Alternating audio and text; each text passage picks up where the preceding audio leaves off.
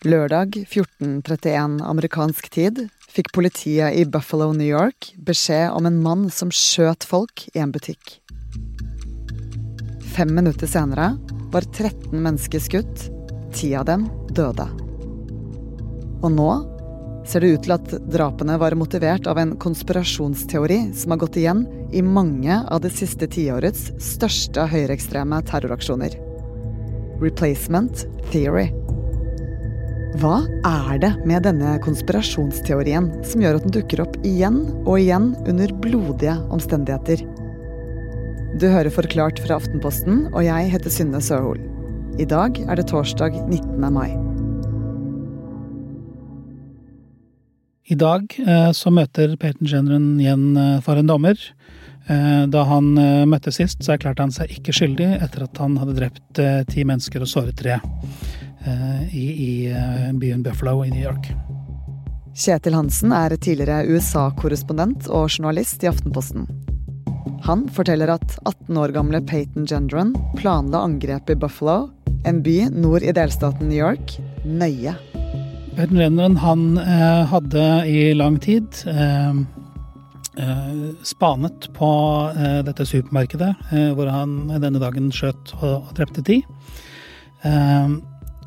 Eh, på selve drapsdagen, altså lørdag, da kjørte han fra sin hjemby Conklin eh, ca. 3 12 time eh, til da østkanten av eh, Buffalo. Hvorfor valgte han akkurat det supermarkedet? Han hadde undersøkt eh, sin, eh, sitt område av USA, da, den øvre delen av staten New York, og funnet ut at eh, postnummeret 14208, der bodde det flest svarte. Eh, og, og, derfor dro han da til denne bydelen øst i Buffalo. Og hva var det han hadde med seg? Med seg i bilen så, så hadde Janren tre våpen. En av disse våpnene var da en såkalt Bushmaster, eh, som er et halvautomatisk gevær. Eh, men som ser ut som et militært gevær, altså som et maskingevær.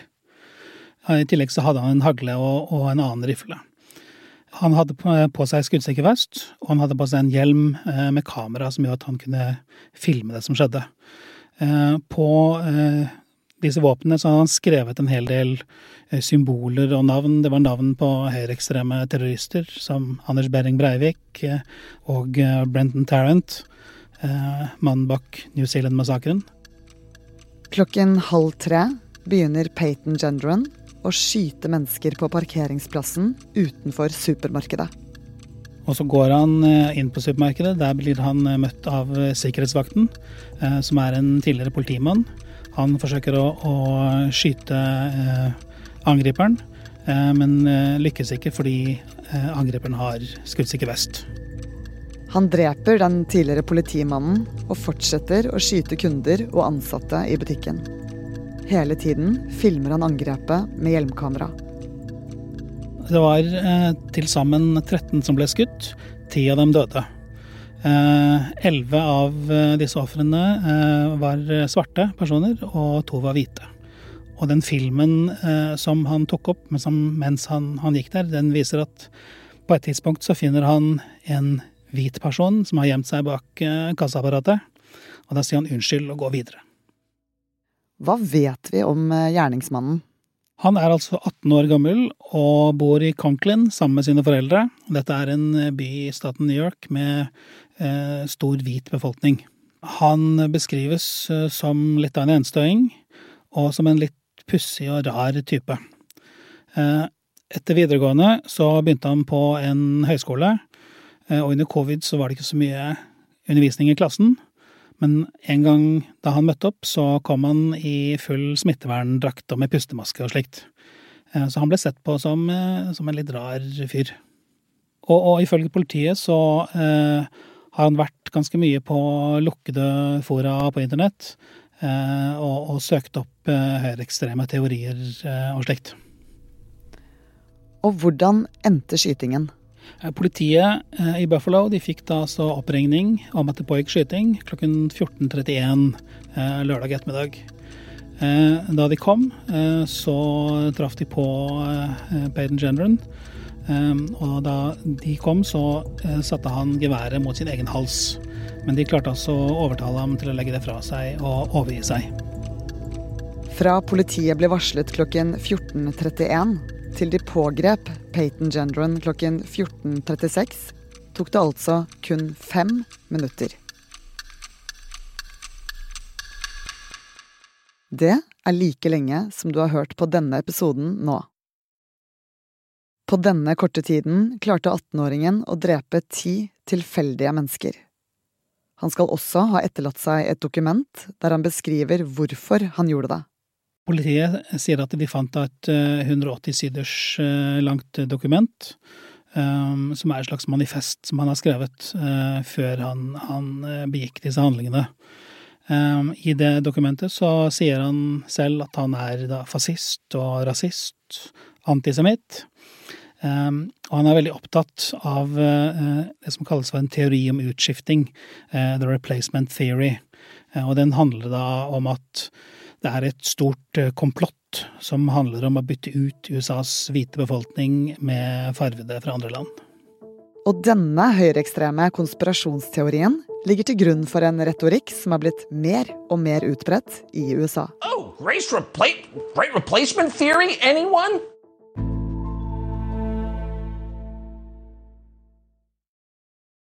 Det som kalles replacement theory, ble lansert i 2010 av en fransk forfatter. Den går ut på at en global elite angivelig jobber for å erstatte hvite europeere med utlendinger, i hovedsak muslimer. Denne konspirasjonsteorien er en videreutvikling av en nynazistisk teori om at hvite europeere blir utryddet ikke av muslimer, men av jøder. Dette fiendebildet går langt tilbake, også i USA og det varierer hvilken folkegruppe som får skylden for å stå bak den såkalte utskiftningen. Men etter at den nye replacement-teorien ble lansert i 2010, har den fått mye oppmerksomhet. Den har jo dukket opp eh, etter mange høyreekstreme terrorangrep. Eh, det var eh, Anders Behring Breivik er vet et eksempel, og også norske Philip Manshaus. Og høyreekstreme, særlig i USA, har brukt dette veldig mange ganger. Blant annet da de protesterte i Charlottesville i Virginia. Eh, og da gikk de med noen bannere og plakater som sa at eh, jødene skal ikke få lov til å erstatte oss. Mannen som drepte 51 mennesker i to moskeer på New Zealand i 2019, Brenton Tarrant, skrev et såkalt manifest før angrepet. Dette dokumentet kalte han The Great Replacement. Samme tittel som navnet på den franske boken hvor teorien ble lansert. Tarrants tekst inspirerte også 18-åringen som drepte ti personer i Buffalo i helgen. Både Tarrant og drapsmennene som har latt seg inspirere av ham, frykter altså muslimene, men mener også det er jødene som står bak den påståtte utskiftningen. Og i USA har konspirasjonsteorien utviklet seg i en annen retning. I USA så er det slik at uh, man snakker om at eh, innvandrere fra sør, fra Latin-Amerika, uh, kommer inn og, og, overtar for de som allerede bor i USA. Uh, altså den hvite majoritetsbefolkningen. Og hvem er det denne versjonen av konspirasjonsteorien når ut til i USA? På en måte ganske mange. nyhetsbyrået Associated Press fikk utført en måling som de publiserte i forrige uke og den viser at én eh, av tre amerikanere eh, tror at eh, de som ønsker en liberal innvandringspolitikk, de ønsker det, for da kommer innvandrere inn og stemmer på de samme politikerne. Men samtidig så er det ikke slik at, at en av tre er rasister. De tenker ikke slik at, at nå kommer det en eh, masse mennesker med en annen hudfarge for erstatter osv. Eh, det de tenker er at ok, eh, demokratene er veldig ivrige på å ha en liberal innvandringspolitikk. Det er litt mistenkelig. Og kanskje er det sånn at de ønsker seg stemmer og disse. Slik er det mange tenker. Hvordan er teorien blitt så utbredt? Dette tankegodset har kommet inn gjennom sentrale politikere og programledere på TV.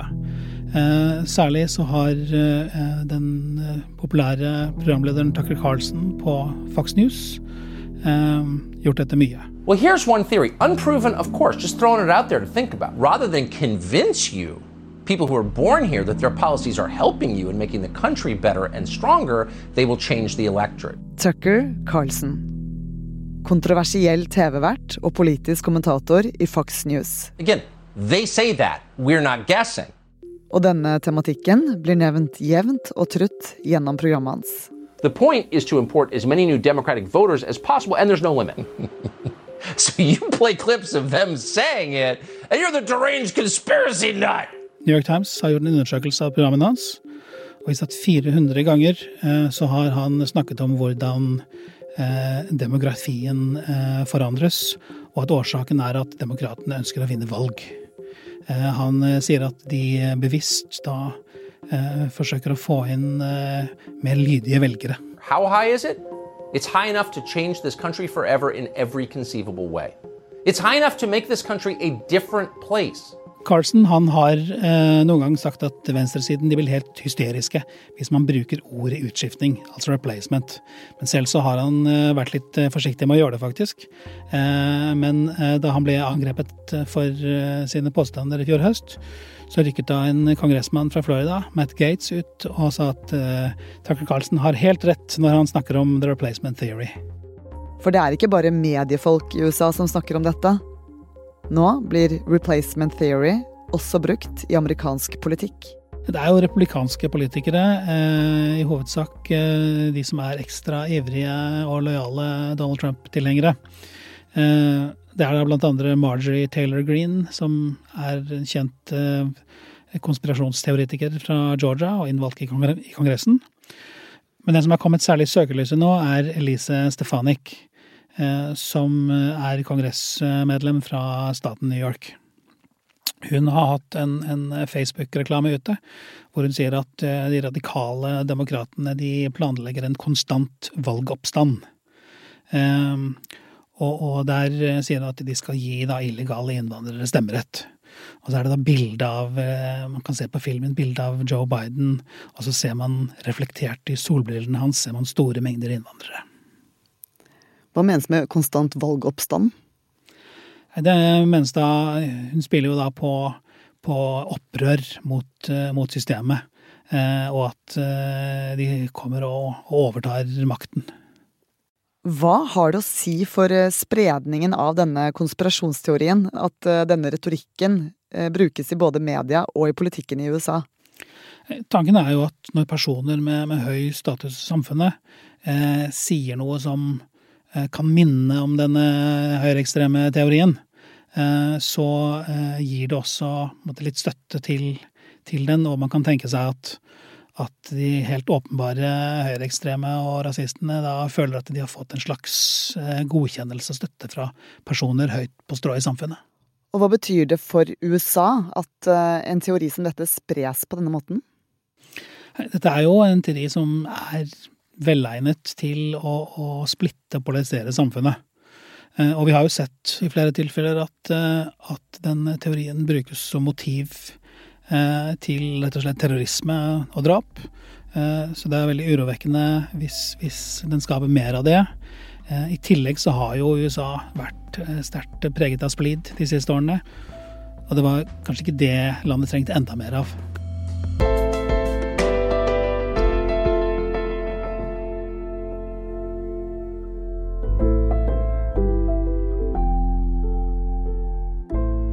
I denne episoden har du hørt journalist i Aftenposten Kjetil Hansen fortelle om replacement theory. Takk også til Trond Strøm og Peter Daatland for research. Lyden du hørte, er hentet fra Fox News. Det er produsent David Vekoni og meg, Synne Søhol, som har laget denne episoden. Og resten av Forklart er Marte Spurkland, Anders Weberg, Anne Lindholm og Fride Nesten Onsdag.